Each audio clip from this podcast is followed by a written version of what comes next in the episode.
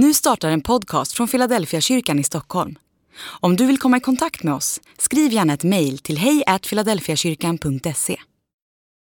Dag 136. Alla bud. Åt mig har getts all makt i himlen och på jorden. Gå därför ut och gör alla folk till mina lärjungar. Döp dem i Faderns, Sonens och den helige Andes namn och lär dem att hålla alla de bud jag har gett er. Och jag är med er alla dagar till tidens slut. Matteus kapitel 28, vers 18 till 20. Under nästan tio år bodde vi i Fiskebäck i Göteborg.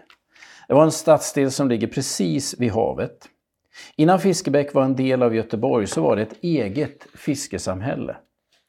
Jag kommer ihåg när en av medlemmarna i församlingen, en man i min egen ålder som var uppväxt i Fiskebäck, berättade att han hade haft utedass de tio första åren av sitt liv.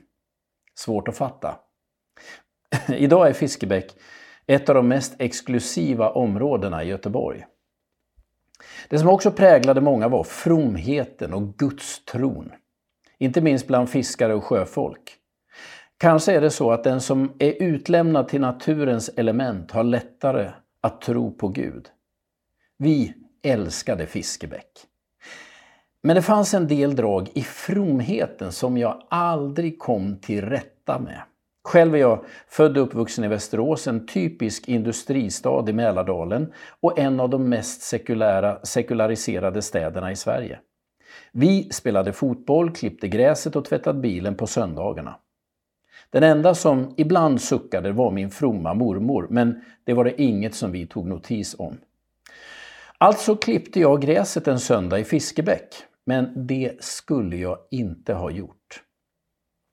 Varje dag brukade en av de äldre församlingsmedlemmarna i grannförsamlingen promenera förbi vår tomt. Ofta stannade han och småprata och han önskade mig alltid Guds välsignelse. Men inte denna söndag. När han såg mig svettas bakom gräsklipparen mulnade han och gav mig onda ögat istället för Guds välsignelse. Han hälsade inte utan malde vidare med sänkt huvud. Dagen därpå ringde en av mina medlemmar och frågade hur jag tänkte när jag klippte gräset på en söndag. Jag svarade att jag tyckte att det var långt och att det var en ganska skön avkoppling eh, att jobba med kroppen efter en lång dag i kyrkan, men jag insåg att jag talade med en vägg.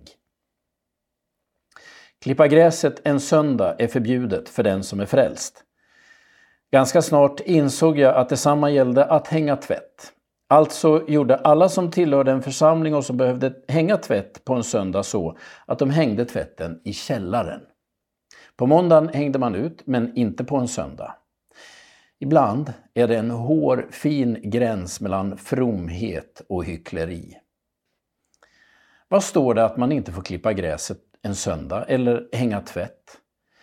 Det jag vet är att Jesus en gång sa sabbaten blev till för människan och inte människan för sabbaten. Markus evangelium kapitel 2 och vers 27. Ändå har vi skapat en massa bud som Jesus får ta ansvar för trots att han aldrig har sagt dem. I värsta fall är det bud som står i strid med vad Jesus har undervisat om. Eh, jag tycker det är viktigt att vila en dag i veckan, att det finns något behagligt i att alla liksom stänger av samma dag. Men jag tror att vi ganska ofta upphöjt praktiska frågor till andliga sanningar för att ge auktoritet åt våra åsikter. Jesus befaller sina lärjungar att lära folk att hålla alla de bud han har gett. Inte andra bud eller egna bud, utan hans bud.